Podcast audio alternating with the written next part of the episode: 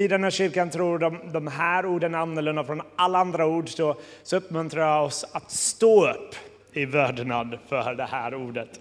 Så ska jag läsa ur Johannes evangeliet kapitel 14. Så här lyder Herrens ord. Låt inte era hjärtan oroas. Tro på Gud och tro på mig. I min faders hus finns många rum. Om det inte vore så skulle jag då ha sagt er att jag går bort för att bereda plats åt er. Och om jag än går och bereder plats åt er eh, skall jag komma tillbaka och ta er till mig, för ni ska vara där jag är. Och vart jag går, det vet ni. Den vägen känner ni. Thomas sa, Herre, vi vet inte vart du går. Hur kan vi då känna vägen? Jesus sa till honom, jag är vägen, sanningen och livet. Ingen kommer till Fadern utom genom mig.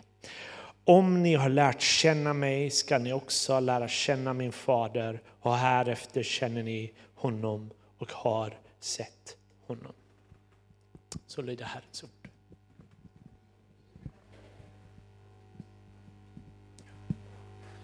Varsågod och sitt. Ehm. Den vägen känner ni. Lärjungarna borde vid det här, den här tidpunkten borde de ha känt till att det här är ju faktiskt eh, den vägen som Jesus ska gå. Den vägen till korset och vägen till uppståndelsen. De visste att han själv, han, i alla fall, han har i alla fall sagt till dem att han är vägen. Han är den som de ska följa. Men ändå så stannar tvivel och frågor kvar i eh, Thomas i det här fallet. Och jag tror att de flesta lärjungar känner likadant. Vad är det Jesus pratar om egentligen? Vad är det här för väg? Fast han har talat om de här sakerna innan så undrar vi ändå, vad är det här som precis håller på att hända? Vad är det du menar med vägen Jesus? Och de är rätt sköna lärjungarna faktiskt på det sättet. Att de håller inte tillbaka vad de känner. Det är inte som att alltid bara säger Wow, Jesus, allting du säger, vi fattar direkt då. Det här är, det här är ju, du är awesome hela tiden. Det verkar inte alls vara så. Även om de tycker att han var väldigt bra, så fattar de uppenbarligen inte direkt. Det finns många exempel i Bibeln där lärjungarna inte fattar. Och så tänker jag att det är med oss. Vi fattar inte riktigt hela tiden vad det är som händer med Gud och vad han säger till oss. Ibland så sägs det saker, vi hör ordet kanske läsas, men så försvinner det inte. Det kommer inte direkt till vårt hjärta utan det går ibland förbi. Så den här predikan är, jag har tre stycken eh, eh, innehåll, tre stycken delar. Som ni förstår. Vägen, sanningen och livet. Så jag stannar till vid de tre. Så vad menar egentligen Jesus med vägen? Han säger själv att han är vägen. Inte att han är en väg eller att han har vägen, utan han säger om sig själv att han är vägen. Han visar inte på en filosofi, en teori, en idé som man kan göra lite vid sidan om, att konstruera sitt liv runt omkring. Nej, han menar att följa honom på vägen är mer än så. Och om du vill höra evangeliet på en minut så ska du få det här. Han är, Jesus alltså, en förebild i varenda detalj. Han älskar, han är barmhärtig, han är full av nåd. Jesus finns i korsningen mellan mänskligt och gudomligt. Han är tillgänglig för oss här och nu, trots att han levde för 2000 år sedan. Han visar också vidare till en bättre framtid och ytterst sett till hans kommande rike som startar den dag vi lämnar jordlivet och egentligen startar när vi säger ja till honom. De kristna goda nyheterna, eller evangeliet, handlar om hur Gud agerar för dig och mig. Han är i evangeliet skaparen, han är centrum, han är ja, vägen att hålla sig till. Och i kontrast till det här I kontrast till evangeliet så säger samhället till dig och mig, du är i centrum. Du ska hitta din egen väg genom livet. Du ska hitta dig själv, du ska hitta dina intressen, du ska hitta det du brinner för och du vill satsa ditt liv på. Det finns ett engelskt begrepp, you do you. Du fixar för dig själv, du gör din egen väg. Och samhällets, eller världen, eller vi ska säga mantra är ju så här lite grann, i kontrast till vad Jesus säger. Du har vägen. Du är vägen, sanningen och livet. Ingen kommer någonstans om man inte hittar sig själv. Och även om det inte kanske står utskrivet på, någonstans på, ja, så är det, om du håller med mig, det som är den grundidén för vårt tid, i vår tid. Och problemet så att säga i, i, i en kristen världsförståelse är att här behöver du och jag göra ett skifte från mig till honom, från min väg och mina idéer till hans idéer och hans vägar. Och jag vet inte, jag gillar ju, eh, jag gillar, förutom Bibel så gillar jag något annat på B som också andra bokstaven är I. Kan det vara? Bil, ja, precis. Eh, och eh, därför ska ni få en billiknelse. Det är nära väg, så hoppas att det funkar. Jag ställer mig upp för att bli så exalterad när jag ska prata om bilar. Nej, det gör jag inte. Det är lite olika så här, vad, vad, är du i de här? Jag gör tre korta, kanske fyra, får se om jag får feeling. Liknelser. Tänk att du är bil. Du är inte är en bil, utan du sitter i en bil. Du, ett, nummer ett. Du kör din bil och tanken på att i den här bilen, den här farkosten, så finns det en Gud som har möjlighet att hjälpa dig, har aldrig slagit dig. Klart att du bestämmer helt och hållet över allt vad du gör. Eller nummer två, du kanske kör bilen som i första exemplet. Och i bästa fall så är Gud i bagaget någonstans. Du kan kalla på honom någon gång när det krisar, annars är han instängd där och, bara, och det är bara du som har nyckeln att släppa ut honom kan det vara så som du, som det är för dig med Gud. Eller så kör du bilen och så får Gud sitta i baksätet. Han är i alla fall med inne i, i kupén. Du kan fråga honom om råd hur du ska köra, vart du ska någonstans genom livet. Eller så kanske du är som den personen som, jag tittade ut för fönstret alldeles nyss här. Nu är den borta, men det var en bil som hade fått motorstopp och hade eh, huven uppe. Kanske har du kört av vägen och är på en plats där du inte vill vara, där du, ingenting fungerar för dig. Och då tänker inte du ens, ja men vänta nu här, finns Gud i min, på min väg? Och en, en, eh, ytterligare en liten bil. eh, anekdot, eller historia. När jag var liten så hade min eh, mormor, hon lever inte längre, en, Fiat, en röd Fiat 127. Det var typ en liten bil som inte var speciellt snabb, spelar ingen roll. Men vi åkte runt här i olika delar av stan och man fick sitta där bak. Det fanns inte säkerhetsbälte i baksätet, det spelar ingen roll, det var länge sedan. Eh, hon åkte omkring och hit, man visste inte riktigt var man skulle någonstans, men man satt där och hängde liksom och mamma satt i fram, framsätet och min, min syster satt bredvid och man chillade där bak helt enkelt lite grann. För mig är mycket av att, mycket av en, ett lugn i, i mitt eh, liv med Gud är att faktiskt få bara ta det lite lugnt och låta någon annan köra bilen och få bara hänga på. Och det betyder inte, tror jag, att, Gud, att du behöver vara passiv, att du eh, är där och liksom sover igenom hela resan och sen så, var är vi nu någonstans? Utan snarare så vilar du och arbetar tillsammans med honom. Vi kan prata om vart vi ska, men jag vill inte dit. Nej, okej, vad ska vi då någonstans? Ja, men hit kanske. Det är fortfarande alltid, och det med bön är alltid ett samtal med, med Gud. Jag skulle bara måla den bilden här, den är lite banal med bilen, men du fattar kanske vad jag är ute efter.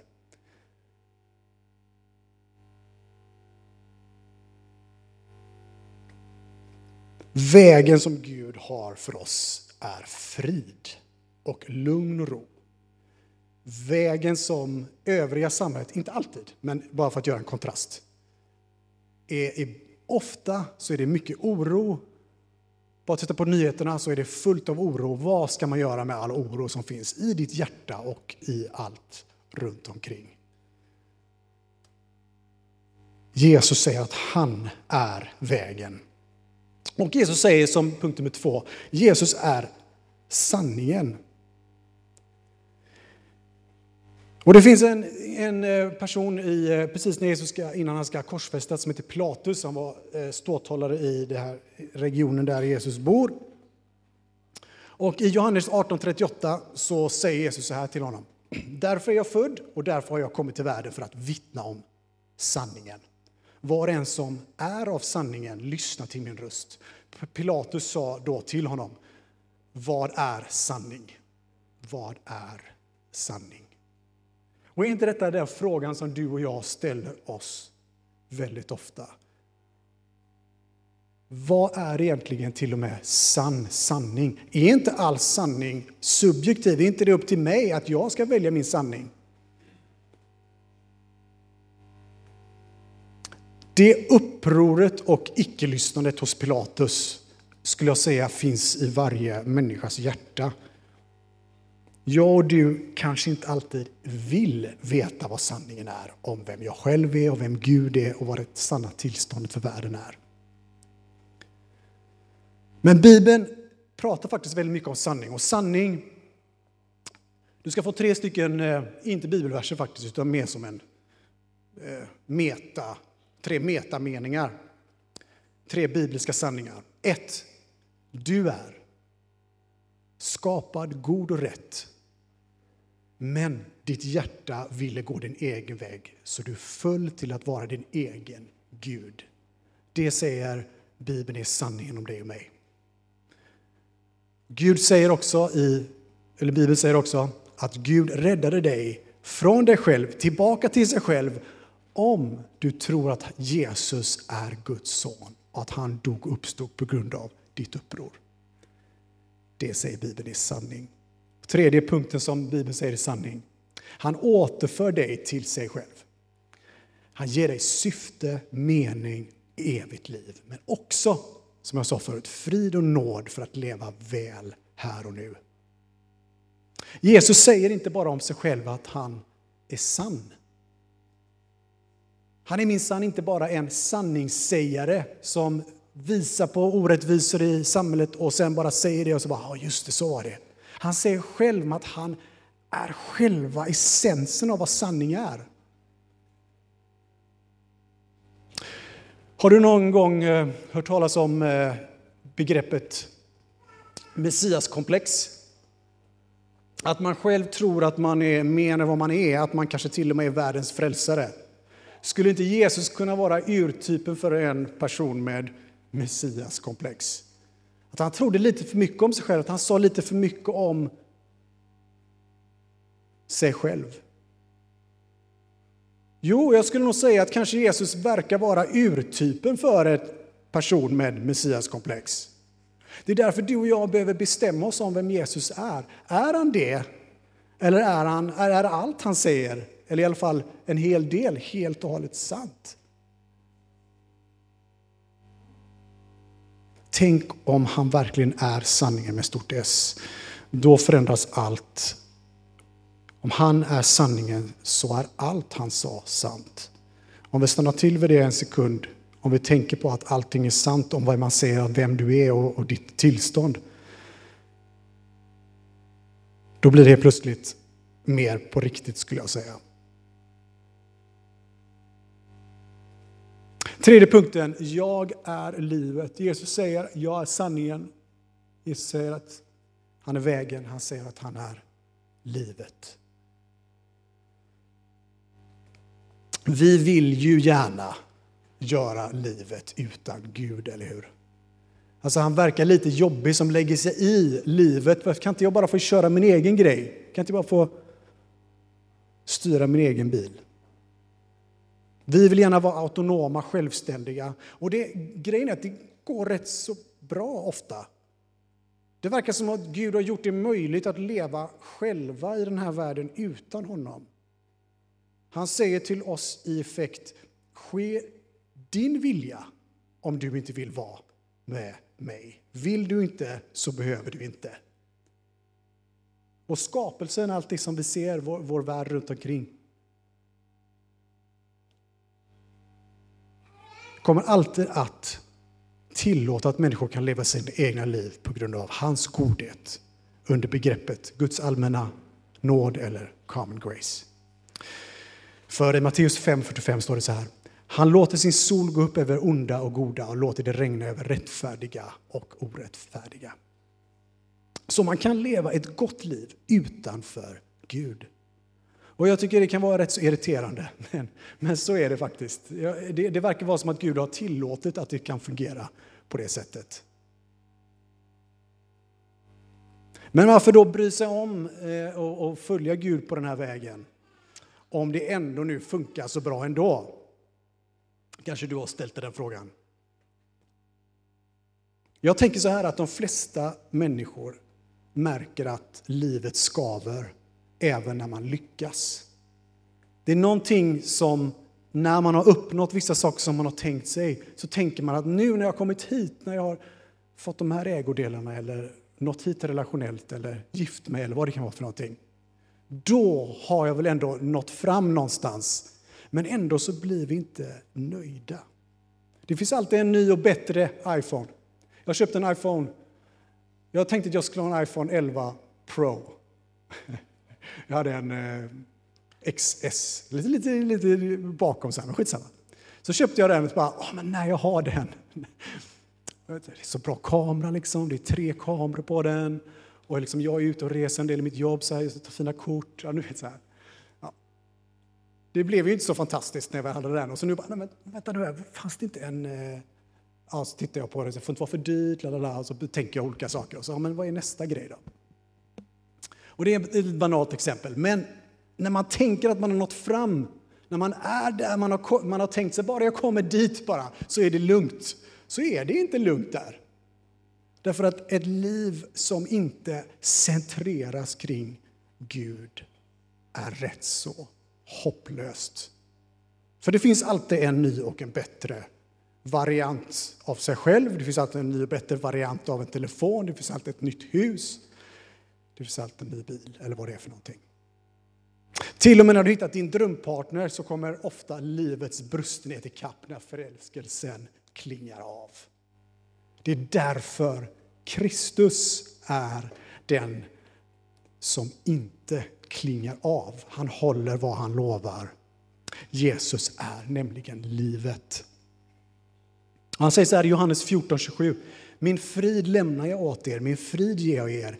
Jag ger er inte det som världen ger. Låt inte era hjärtan oroas och tappa inte modet. I hans liv så kommer frid. Jesus ger sitt liv, men det stannar inte där. Han uppstår och ger oss liv. Liv är frid mitt i stormen. Livet är att leva fullt av mildhet och kärlek till andra. Och vi behöver faktiskt Jesus för att göra det. Så när du gör det på din egen hand så kommer det gå bra ända till en viss gräns. Sen så går det inte bra. Och grejen är att Gud har skapat oss för att vi ska vara i samverkan med honom. Så att när det skiter sig, vilket det gör hela tiden,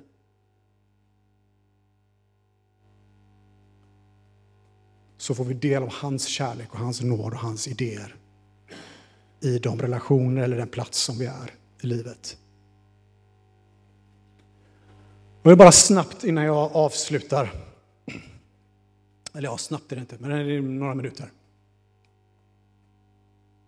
Är det så att ditt bästa liv finns, det liv som Gud ger, finns det alldeles runt hörnet när du kommer, kanske är det så att när du kommer till slutet av dig själv och återvänder till honom som hans barn, är det kanske så att du är en förlorad son? Eller är du kanske en hemmablind son som har förlorat kopplingen till livet? Som du vet så är liknelsen om den förlorade sonen, det handlar om en son som tvingar sin pappa att ge honom sitt arv i förtid och drar iväg för att spendera allt under en kort tid på sex droger och rock'n'roll. När pengarna är slut, misären kommer, så inser han att han längtar hem till pappa. Han bestämmer sig på botten för att återvända och ångra sig. Men kommer pappan att ta emot honom överhuvudtaget? Det spelar ingen roll, jag går hem ändå. Den första sonen var värre i den här liknelsen som Jesus säger. Den första sonen var värre i våra ögon, men han kom till slutet av sig själv och insåg sitt läge. Ska du också, ska jag också inse mitt läge, gråta över vad jag har gjort och sedan springa hem till Faderns öppna armar? Om till och med Gud, om till och med, förlåt, om till och med jag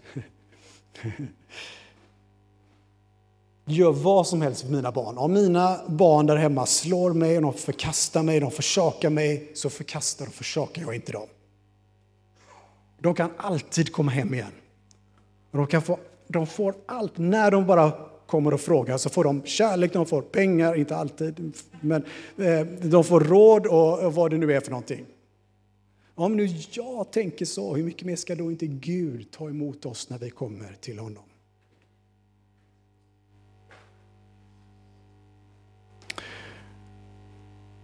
Men vi kanske inte vill. Till och med Jesus säger till fariseerna, dåtidens religiösa elit i Johannes 5.40. Ni forskar i skrifterna för ni tror att ni har evigt liv i dem, just det som vittnar om mig. Men ni vill inte komma till mig för att få liv. Ni vill inte komma till mig för att få liv. Och hur ofta är det inte sant i mitt liv att jag förstår vad som är Guds vägar, men jag vill inte. Och kanske är det sant också för dig ibland. Och då kan vi säga, det här blir inte bra Gud. Det sket sig här och här och här och här. Vad är Guds respons? Öppen arm, upp, öppna armar som tar tillbaks den som ångrar sig.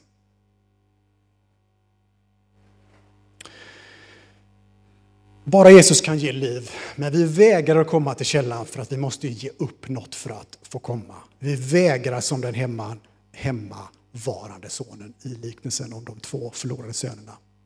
Och här är min uppmuntran, uppmaning till dig, jag ska alldeles strax landa här. Till dig som är kristen här idag.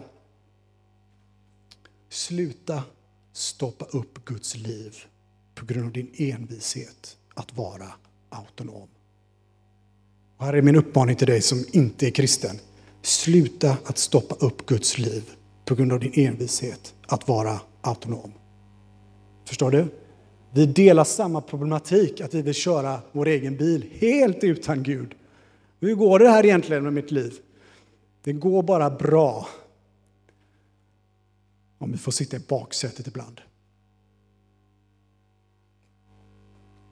Ingen kommer till Faren utan genom mig.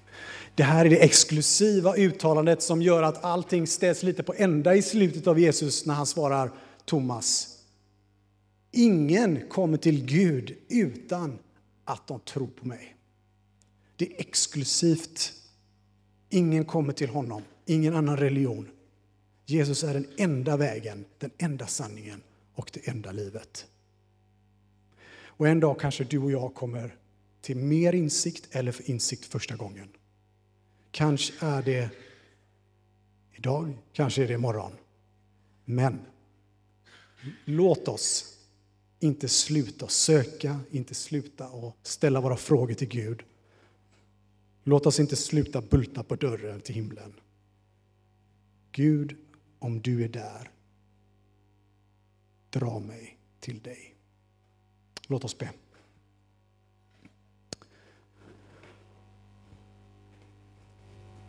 Vi ber dig, Kristus, att du skulle få återigen visa oss hur vacker din väg är, hur underbar du är för oss. Att du har dött uppstått. Inte för att vi bara ska ha det som en teori eller en fin idé, utan för att du är själva livet själv. Tack att vi får leva i din sanning, att vi får leva i ditt ljus. Amen. Vi ska fira nattvard och jag kommer att dela, eh, leda nattvarden så vi tar ungefär en minut i tystnad.